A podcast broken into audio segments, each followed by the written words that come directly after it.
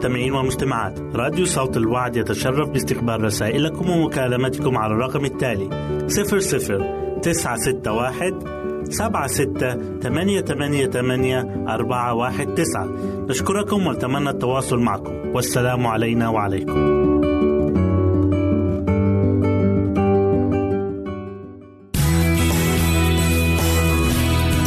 يمكنك استماع وتحميل برامجنا من موقعنا على الإنترنت www.awr.org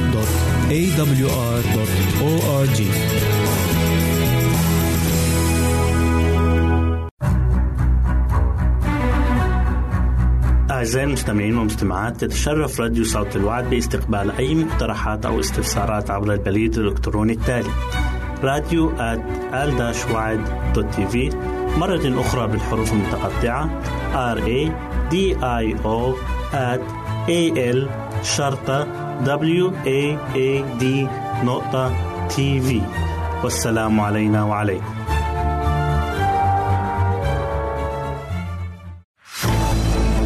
أعزائي المستمعين والمستمعات راديو صوت الوعد لا يكتفي بخدمتكم عبر الموجات الصوتية فقط بل وإنه يطرح لكم موقعا إلكترونيا يمكنكم من خلاله مشاهدة أجمل البرامج الدينية الثقافية الاجتماعية وغيرها من المواضيع الشيقة. يمكنكم زيارة الموقع من خلال العنوان التالي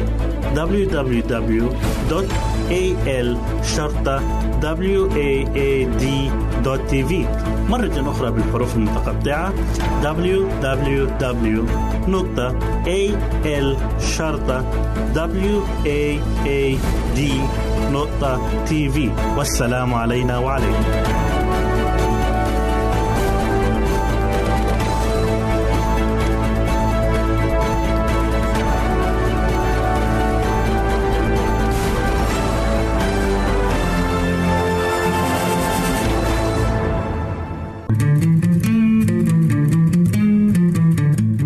تستمعون إلى إذاعة صوت الوعي.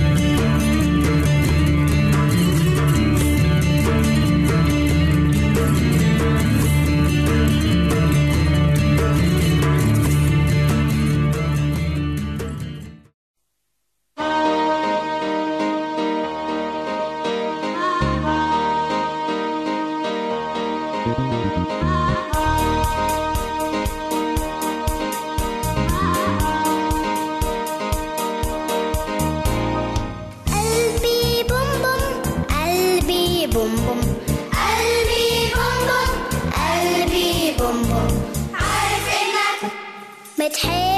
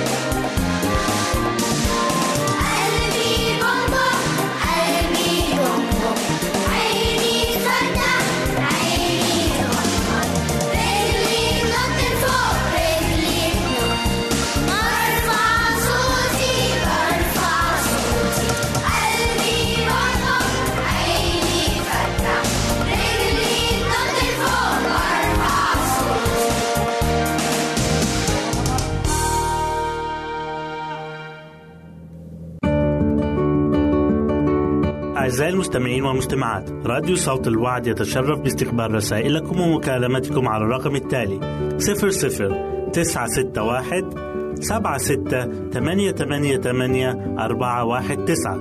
نشكركم ونتمنى التواصل معكم. والسلام علينا وعليكم.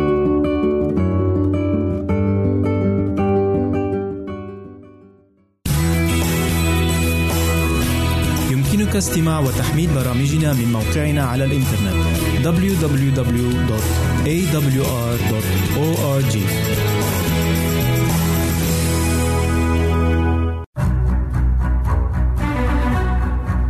أعزائي المستمعين والمستمعات تتشرف راديو صوت الوعد باستقبال أي مقترحات أو استفسارات عبر البريد الإلكتروني التالي راديو تي في مرة أخرى بالحروف المتقطعة R A D I O at A L شرطة W A A D نقطة تي في والسلام علينا وعليكم. أهلا وسهلا بكم مستمعين الكرام في كل مكان. يسعدني أن أقدم لكم برنامج السراج المنير. وحلقة اليوم بعنوان أنت والوطن. في سفر أرمية إصحاح 29 والآية 7 بتقول كلمة الله اطلبوا سلام المدينة. وصلوا لأجلها إلى الرب لأنه بسلامها يكون لكم سلام. المؤمن الحقيقي هو شخص مخلص لبلاده اللي بيعيش فيها ودايما بيطلب لها السلام.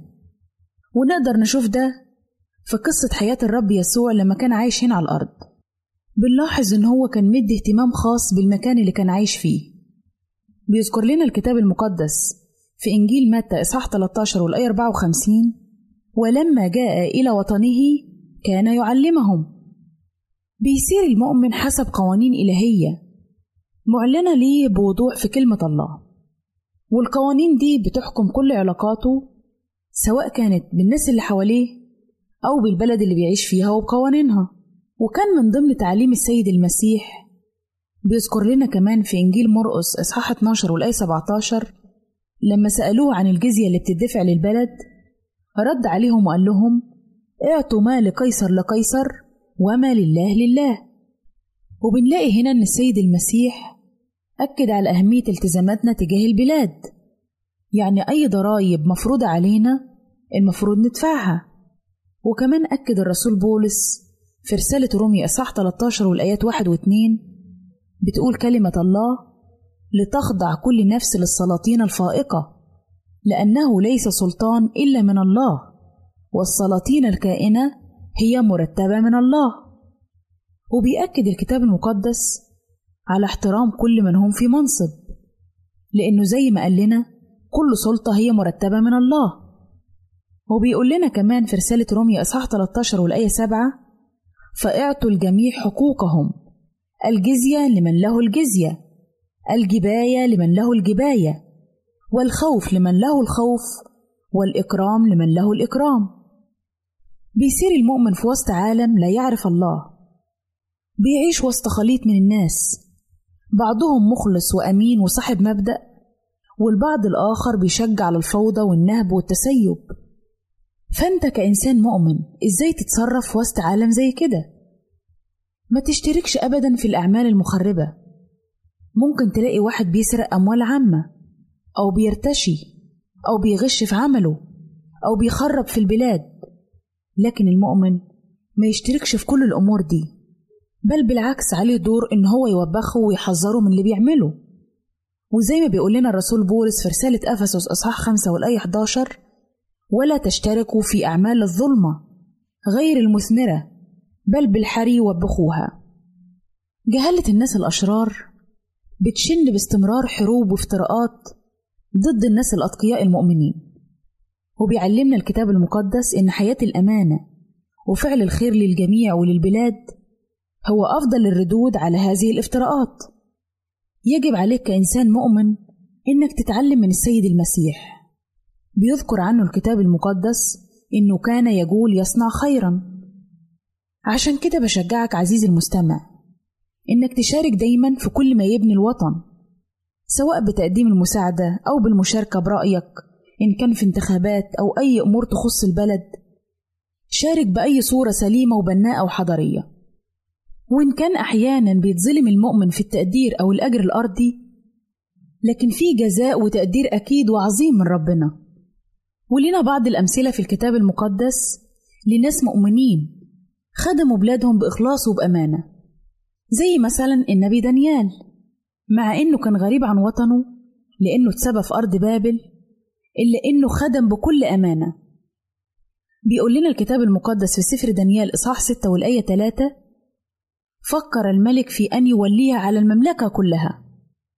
كون إن ملك يفكر إن يولي دانيال على المملكة كلها ده أكيد مش من فراغ. ده دليل الأمانة الكبيرة جدا والإتقان في العمل. وعينوا الملك داريوس من ضمن ثلاث وزراء على المملكة كلها عشان يضبطوا كل أمور حساباتها والموارد بتاعتها وكان دانيال متفوق جدا وأمين جدا. لكن في يوم من الأيام حاولوا الناس الأشرار إن هم يتصيدوا أي أخطاء لدانيال لكن ما قدروش. بتقول كلمة ربنا فلم يقدروا أن يجدوا علة ولا ذنبا لأنه كان أمينا ولم يوجد فيه خطأ ولا ذنب. كان سلوك التقوى في حياة دانيال ووظيفته سبب في إن الملك الوثني يعرف الله والدليل إن الملك الوثني شهد عن الله في عدة مواقف. وقال لدانيال إن إلهك الذي تعبده دائما هو ينجيك هو الإله الحي القيوم إلى الأبد وملكوته لن يزول وسلطانه إلى المنتهى.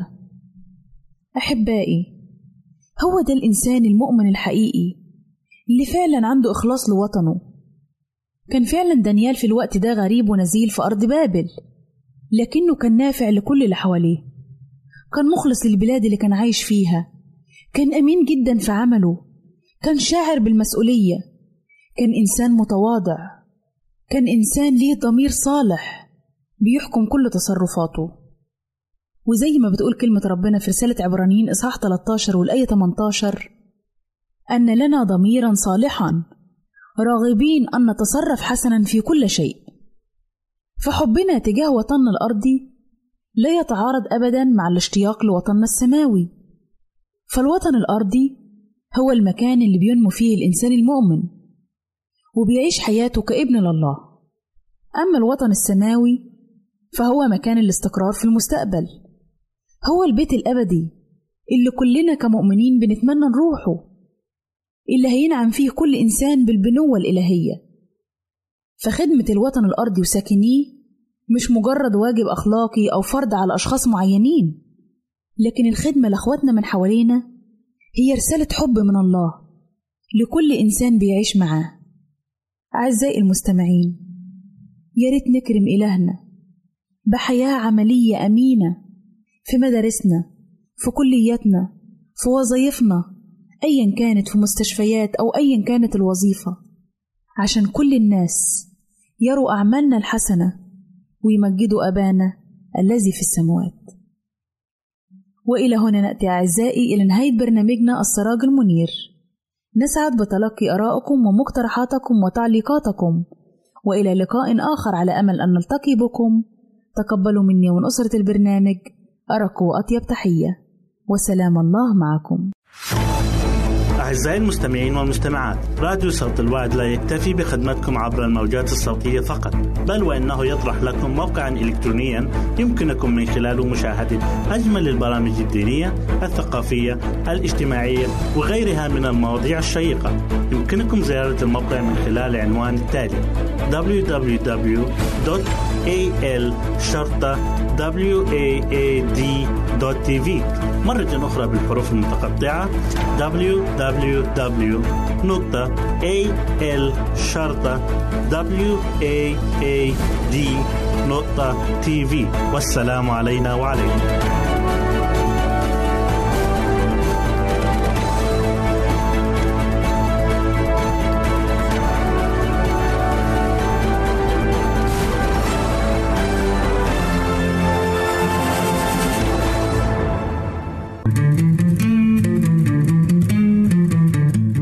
تستمعون إلى إذاعة صوت الوعد.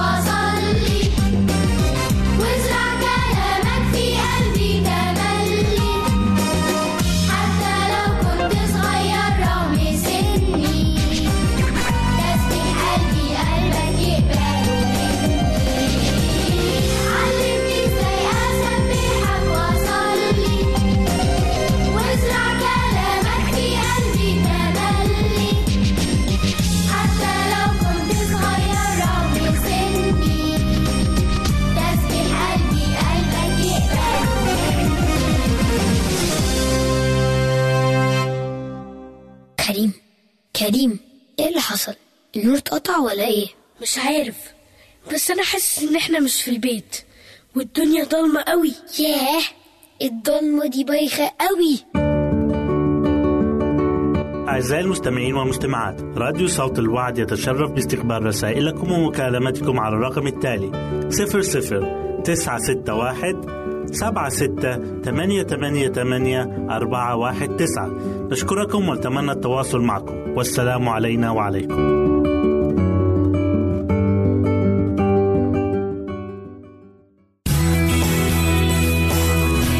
يمكنك استماع وتحميل برامجنا من موقعنا على الإنترنت.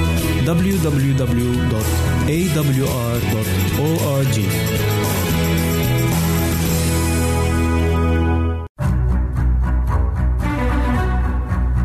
أعزائي المستمعين والمستمعات تتشرف راديو صوت الوعد باستقبال أي مقترحات أو استفسارات عبر البريد الإلكتروني التالي راديو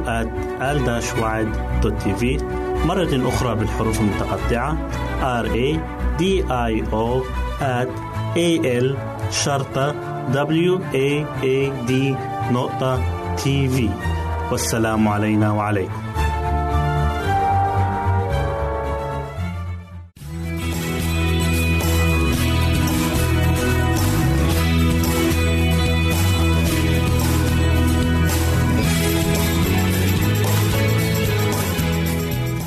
أهلا وسهلا بكم مستمعينا الكرام.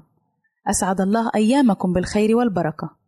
يسعدني أن أقدم لكم برنامج من هنا وهناك والذي يتضمن الفقرات التالية مرض السكر وكيفية التعامل معه هل تعلم غذاء ملكات النحل؟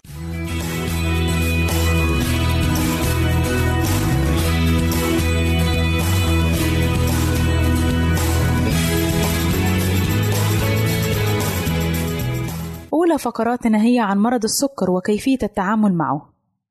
تشير المراكز الصحية العالمية بأن هناك أكثر من 245 مليون شخص حول العالم مصابين بمرض السكر.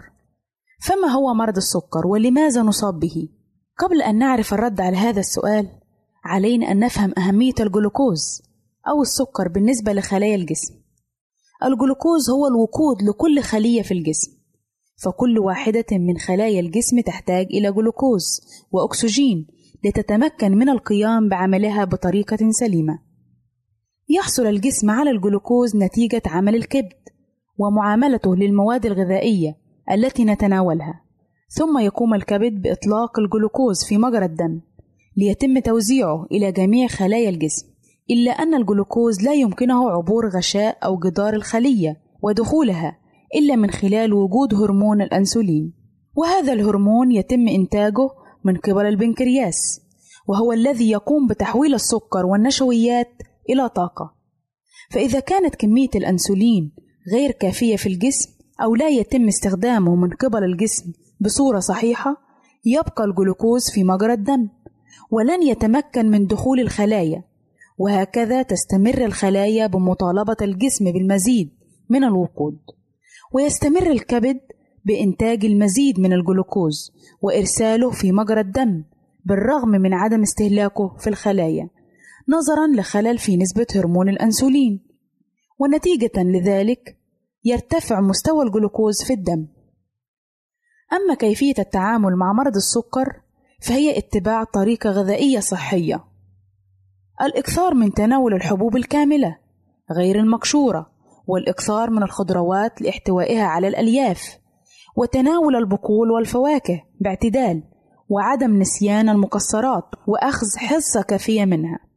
وفي نفس الوقت على مريض السكر الإقلال من تناول الدهون خاصة الحيوانية لأنها تحتوي على نسبة عالية من الكوليسترول الرديء وتفادي استهلاك السكريات والنشويات المكررة.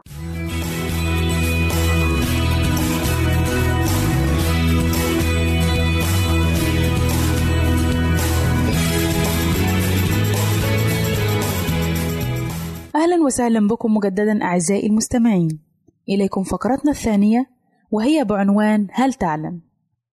هل تعلم أن الذبابة تعتبر أخطر كائن حي على سطح الكرة الأرضية؟ وذلك بسبب قدرتها على نقل النفايات والملوثات من كائن لآخر. هل تعلم أن النحلة ترفرف بجناحيها ما يقرب من 230 مرة في الثانية الواحدة؟ وهي تمتلك خمسة عيون على أجزاء مختلفة من رأسها، ولكل منها وظائف خاصة واستخدامات مختلفة عن الأخرى. ويمتلك النحل ستة أرجل مصممة بميزات خاصة، فهي مليئة بالشعر الملتوي إلى الأعلى والذي يساعد في عملية جمع حبوب اللقاح. ولديها أيضا مخالب تساعدها على حمل حبوب اللقاح ونقله إلى الخلية، وتتوزع الأرجل على شكل ثلاثة أزواج على كل جنب من النحلة متصلة بالصدر وتحتوي على خمسة قطاعات مفصولة بمفاصل. هل تعلم أن كثرة التعرض للاختبارات والامتحانات المدرسية تجعل الشخص أكثر عدائية وعنفا في ممارساته وسلوكه العام؟ إذ وبمعدل الأرقام فإن قضاء أربع ساعات يوميا في أداء الاختبارات لمدة أسبوع واحد فقط كافية لرفع ضغط الدم وانفلات الأعصاب وفقدان التحكم في الذات. هل تعلم أن العطسة تكون قوية جدا ولا يمكن أن يعطس الإنسان وعينيه مفتوحة؟ لأن ذلك إذا حدث سوف يؤدي إلى انفجار العين، ومن الممكن كذلك إذا كتم الإنسان العطس يؤدي إلى انفجار أحد الأوعية الدموية بالدماغ أو الرقبة.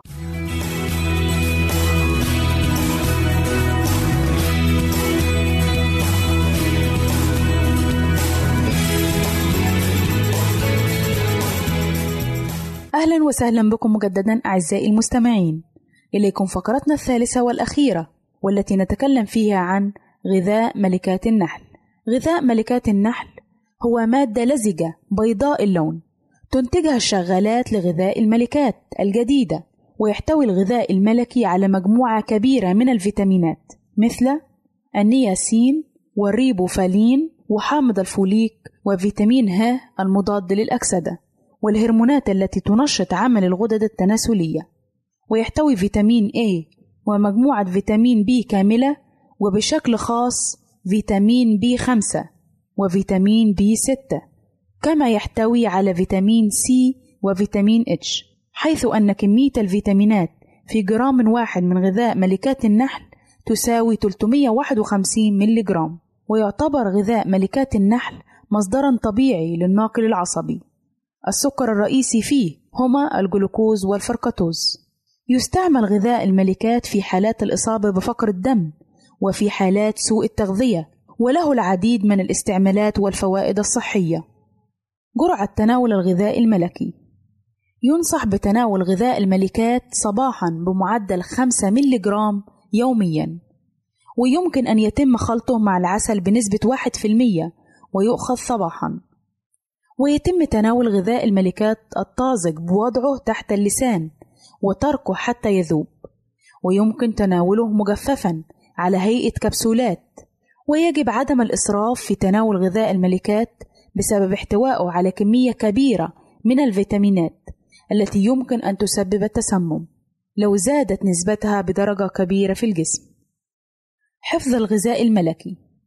يجب حفظ الغذاء الملكي مجمدا في درجة حرارة صفر وذلك للحفاظ على خصائصه الغذائية وإذا تم حفظه في درجة حرارة أعلى فإنه يتعرض للذوبان والتبلور وقد يتغير لونه إلى اللون الأصفر المائل إلى البني وتصبح رائحته قوية بسبب تحلل البروتين وتزداد سرعة عملية التحلل بوجود الرطوبة العالية التي قد تؤدي إلى تعفن الغذاء الملكي. إلى هنا نأتي أعزائي المستمعين إلى نهاية برنامجنا من هنا وهناك، وإلى لقاء آخر على أمل أن نلتقي بكم. تقبلوا مني ومن أسرة البرنامج. أرق وأطيب تحية، وسلام الله معكم.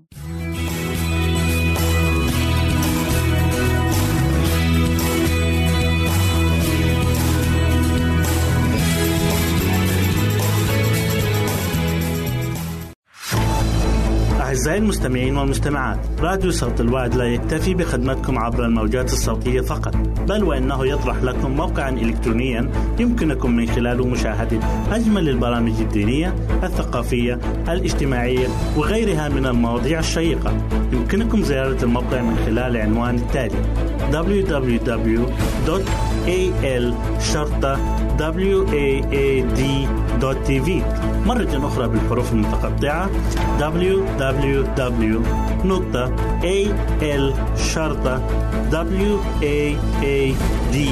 www.al-waad.tv والسلام علينا وعليكم.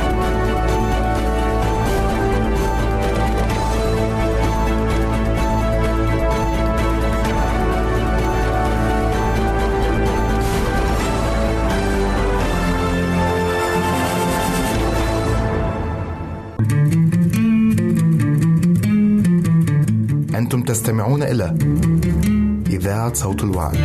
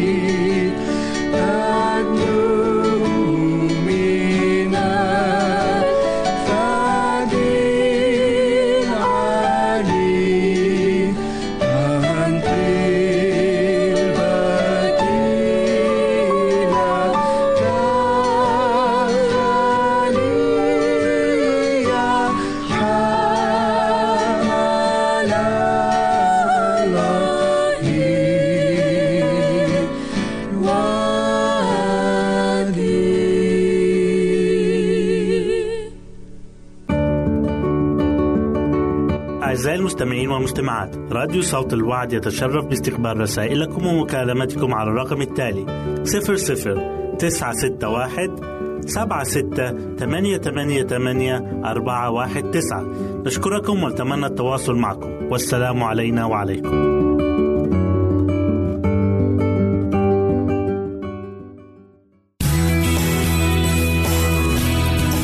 استماع وتحميل برامجنا من موقعنا على الإنترنت www.awr.org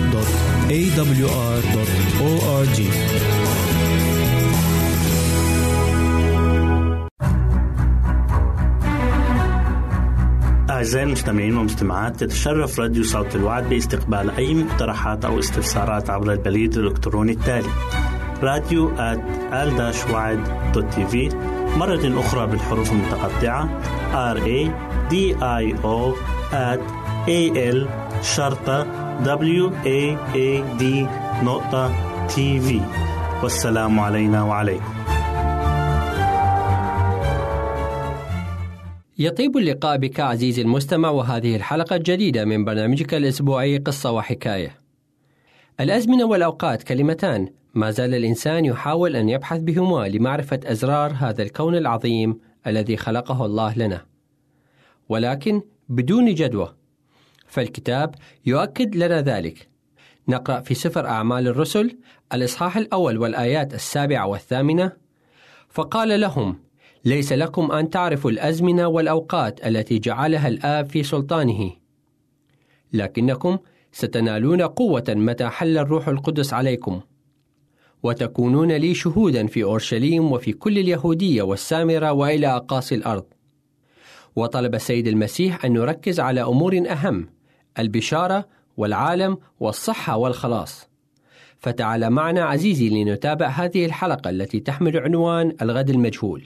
نحن على يقين أن الطريقة التي أمامنا يمتزج فيها الفرح بالحزن أوقات مضيئة وأوقات حالكة. لكننا لا ندري أكثر من ذلك. ستمضي الحياة بأفراحها وأحزانها كما مضت الأيام السالفة. وبالنسبة لنا جميعا قد يحدث تغيير كبير. يمكن أن يجعل الحياة أكثر إظلاما ومشقة أو أكثر بهجة وإشراقا. لكن في كل تطلعاتنا سيظل الغد مجهولا. مغلفا بطبقات من ضباب عدم اليقينية. لا يظهر منه إلا بعض أجزاء في أطرافه. لا أحتاج أن أذكركم أن عدم معرفة المستقبل هو من رحمة الآب وصلاحه نحونا لكي لا تفسد مرارة الأحزان القادمة بهجة الأفراح الحاضرة ولكي يظل الأفراح القادمة بريقها ولا تنطفئ نشوتها عندما تحدث كما يظل اليوم الحاضر على شكله الحقيقي لا يتلون بما يحمله الغد لنا. إن كان الأمر كذلك فكيف علينا أن نسلك في مشوار الحياة بحكمة ونحن لا نعرف ما يخبئه الغد لنا؟ ليس من الحكمة إذن الثقة بالنفس المغرورة والتي تفترض أن الغد سيكون مثل اليوم. الوهم بأن الحياة ستمضي على وتيرة ذاتها يخدع البشر بأحلام عظيمة لا أساس لها. وليس من الحكمة أيضا الذعر المفرط مما يحمله المستقبل من خطر وشر. أناس كثيرون يفسدون البهجة الحالية بتفكيرهم في المآسي الآتية، ولا يمكنهم التمتع ببركة الحب المتبادل الآن بسبب تفكيرهم في احتمالية الانفصال في المستقبل. باختصار نقول إن من الحكمة أن لا نهتم بالمستقبل فيما عدا أولا ما يتعلق باحتياطات يلزم أن نراعيها تخص امورا محتمل حدوثها في حياتنا ومن أهم هذه الاحتياطات هو ما يتعلق بصحتنا الروحية والجسدية ثانيا ما يعد أنفسنا للقيام بالمسؤوليات الموضوعة على عاتقنا فالسيد المسيح يريدنا أن نكون على استعداد. أمر واحد ينبغي أن نفكر فيه في المستقبل وهو السماء. فلماذا تتعلق أنظارنا بالمستوى المنخفض من الأرض المحاط بالضباب بغاباته ومستنقعاته بينما يمكننا أن نرى الطريق الصاعد نحو المرتفعات؟ لماذا ننزعج مما يحمله لنا العام الجديد؟ بينما نعلم ما تحمله الأبدية لنا؟ لماذا نعطل قوة الرجاء المعطى لنا من الله أن ينجز هدفه الحقيقي؟ ولماذا نعذب أنفسنا بالاشترار على المخاوف والمخاطر غير اليقينية بينما يمكن أن نتذوق السلام العجيب المرتبط بهذه الحياة المباركة؟ إن الله لا يطلب الكثير منك سوى أن تثق وتؤمن بالوعود التي قطعها لك. وأن تتمتع بصحة روحية وجسدية عالية لك ولجميع أفراد عائلتك والمحيطين بك. دوام الصحة والبركة أرجوها لك كان معك في لقاء اليوم الأخ يوسف حبيب وإلى اللقاء.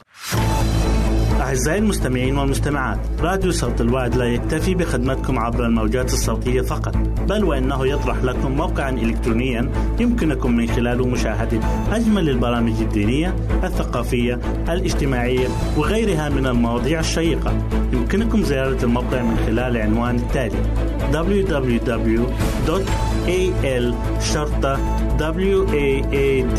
www.al-waad.tv مرة أخرى بالحروف المتقطعة.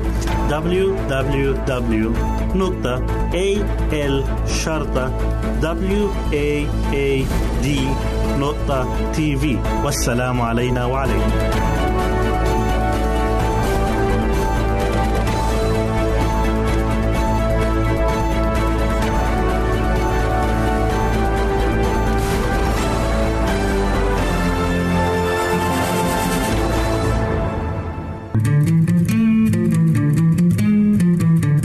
أنتم تستمعون إلى إذاعة صوت الوعي.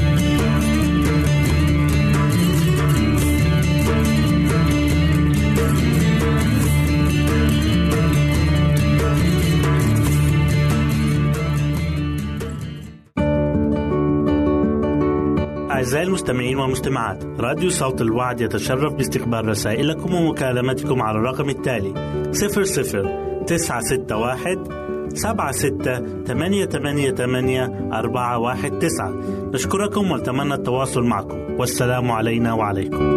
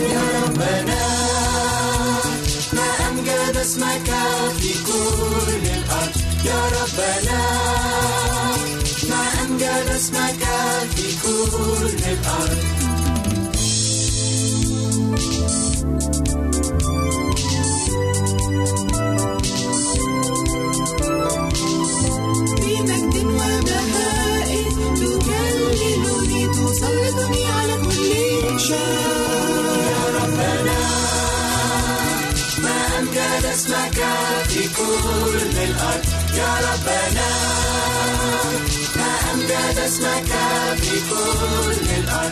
يا ربنا.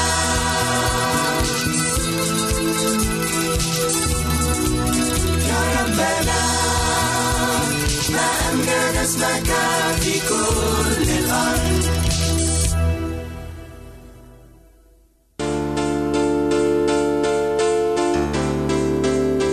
إن إلهنا فريد عجيب مجيد. جمع فحوى أكمل الشمائل وأروع الطبائع. قد تراها تناقضات لكنها أكمل الكمالات. السماء عرشه والأرض موطئ قدميه لكن المذود مهده وإكليل الشوك تاجه. أقام الموت سلطانا واقتدارا لكنه سكب للموت نفسه حبا واختيارا. يعطش خالق الأنهار والبحار فيعطونه الخل والمرار. صفح لمن اهانوه أحسن لمن انكروه وغفر لمن صلبوه خلص كثيرين أما نفسه فلم يرد أن يخلصها. نعم اتضع ليرفعك وصلب ليخلصك ومات ليحييك.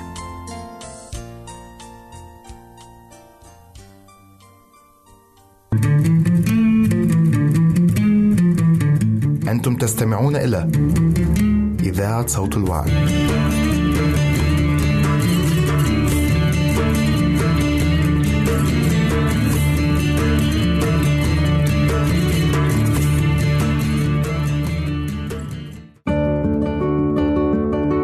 أعزائي المستمعين والمستمعات راديو صوت الوعد يتشرف باستقبال رسائلكم ومكالمتكم على الرقم التالي 00 961 سبعة ستة ثمانية ثمانية ثمانية أربعة واحد تسعة. نشكركم ونتمنى التواصل معكم. والسلام علينا وعليكم.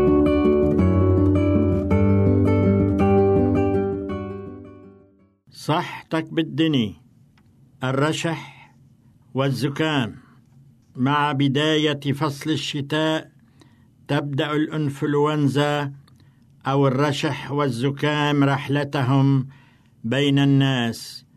كونوا معنا. يدخل الرشح أو الإنفلونزا إلى جسم الإنسان ولكن ليس خلسة فيسبقه إنذار ويعلن قدومه ضيف ثقيل ومزعج.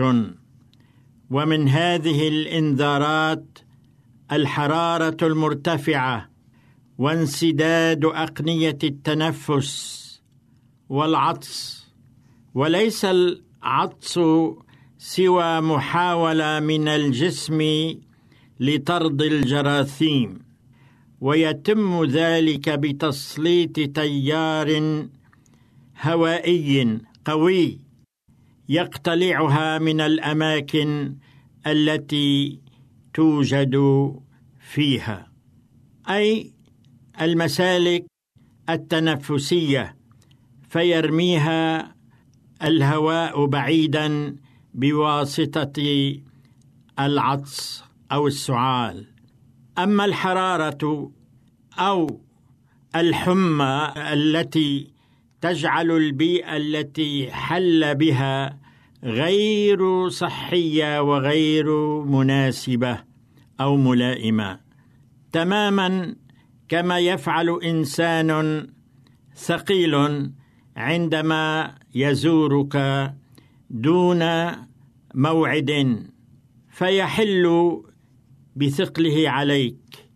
وكما يقول الشاعر إذا حل الثقيل بأرض قوم فما للساكن إلا الرحيل. هذا الضيف الثقيل الذي يدخل إلى جسمنا خلسة فيسبب الانسداد في الأجهزة التنفسية ويسبب الشلل لأجهزة التدفئة أو التبريد لدرجة عالية لا تحتمل حتى تصل الحالة إلى درجة لا يستطيع الضيف أن يحتملها. أما الزكام أو انسداد الأنف فهما محاوله من الجسم لسد المنافذ التي تسلل منها هذا الفيروس أو هذه الجراثيم. أما الرشح أو زيادة إفرازات الأنف المحملة بفيروس المرض أو بفيروس الرشح فهي الطريقة الفضلى لإلقاء بعضها خارج جسم الإنسان فهذه كلها أعراض مرضية أو أعراض لمرض واحد ألا وهو الإنفلونزا. إن هذا الفيروس هو متسلل ولكنه متنكر وهو مخادع أيضا. يحتوي الغشاء الخارجي الذي يغلف هذا الفيروس على مادتين مهمتين يرمز إليهما العلماء بحرفي NH وهاتان المادتان تمنحان الفيروس هويته الخاصة. وتحددان طبيعته الضارة أو الأجسام المضادة التي يصنعها الجسم البشري لمقاومة هذا الفيروس. وفي جوف الفي... الفيروس يوجد ثماني قطع من الحامض النووي وتعرف ب RNA ويستطيع هذا الحامض أن يغير تركيبة الموجودة في فيه أو في غلاف الفيروس NH وبهذا تتغير هوية الفيروس. وهذا له معناه الكبير في الطب. عند دخول هذا الفيروس إلى الجسم يقوم الجسم بصنع أضداد لمقاومته. فعندما يعود مرة ثانية تكون هذه الأضداد جاهزة وحاضرة للقضاء عليه قبل أن يستقر داخل أنسجة الجسم. ولكن إذا دخل الفيروس بتركيبة جديدة فلن تنفع معه الأضداد التي سبق أن صنعها الجسم من إصابة سابقة. لقاح الإنفلونزا. هل بالإمكان صنع لقاح للإنفلونزا؟ إن قابلية الفيروس على تبديل هويته جعلته مسألة صنع لقاح فعال أمر عسير المنال. وفكرة اللقاحات بشكل عام معروفة فمثل لقاح الحصبة مثلا هو فيروس الحصبة نفسها بعد إجراء عمليات كيميائية عليه تصنع لإضعافه. وعندما تدخل فيروسات اللقاح إلى الجسم تكون خفيفة لا يشعر بها عادة الإنسان أو الطفل. ولكنها تجعل الجسم مستعدا لصنع مضادات لمقاومة الفيروس الحقيقية عندما تهاجم الجسم. فلقاح شلل الأطفال مثلا هو فيروس ولكنه أضعف وتعطى في الفم بشكل سائل فتعطي الطفل مناعة تكاد تكون مئة بالمئة. أما فيروسات الإنفلونزا فهناك عقبات كبيرة تقف في وجه صنع لقاح تقف في وجه صنع لقاح فعال لهما. فالعقبة الأولى كما ذكرنا هي قابلية الفيروس على تغيير تركيبته.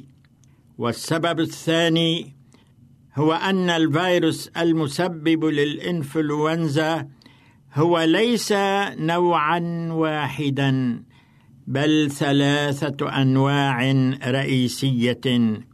وقد رمز إليهما بحروف A B C. ورغم هذه المصاعب فقد قام العلماء بدمج أنواع وأشكال متعددة من الفيروسات المسببة للإنفلونزا واجروا عمليات إضعاف وإنهاك عليها فأعطوا لقاحات لا بأس بها. وهذا اللقاح قد يعطي نتيجة تقرب إلى خمسين بالمئة. هذا اللقاح نافع وضروري لفئة معينة من الناس مثل كبار السن ومرضى السكري والمصابين بأمراض مزمنة كأمراض القلب أو الرئتين والمصابين بعجز الكلى وداء السكري والمصابين بنقص المناعة أي مرض الإيدز. العقار الوقائي قام العلماء باختبار عدد من العقاقير للوقاية من الإنفلونزا. فوجدوا أن عقار امانتادين امانتادين يمنع الفيروس من دخول الخلايا وبهذا فهو يقي من الإصابة. ولكن ختاما أقول أن درهم وقاية خير من قنطار علاج. لذلك الأماكن الموبوءة بالإنفلونزا يجب أن نبتعد عنها وبذلك نبعد المرض عنا. كان معكم شحاد الحلبي. أعزائي المستمعين والمستمعات راديو صوت الوعد لا يكتفي بخدمتكم عبر الموجات الصوتية فقط بل وإنه يطرح لكم موقعا إلكترونيا يمكنكم من خلاله مشاهدة أجمل البرامج الدينية الثقافية الاجتماعية وغيرها من المواضيع الشيقة. يمكنكم زيارة الموقع من خلال العنوان التالي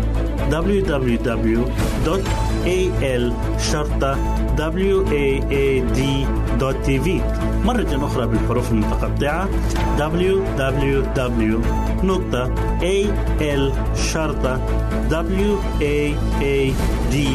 www.al-waad.tv والسلام علينا وعليكم.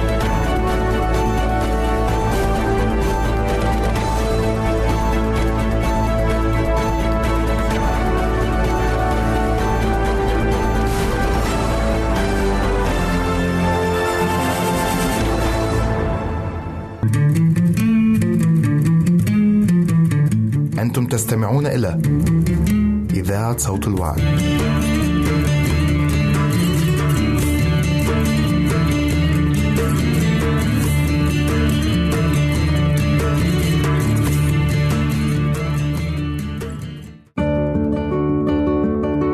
أعزائي المستمعين والمستمعات راديو صوت الوعد يتشرف باستقبال رسائلكم ومكالمتكم على الرقم التالي 00 961 سبعة ستة ثمانية ثمانية ثمانية أربعة واحد تسعة. نشكركم ونتمنى التواصل معكم. والسلام علينا وعليكم.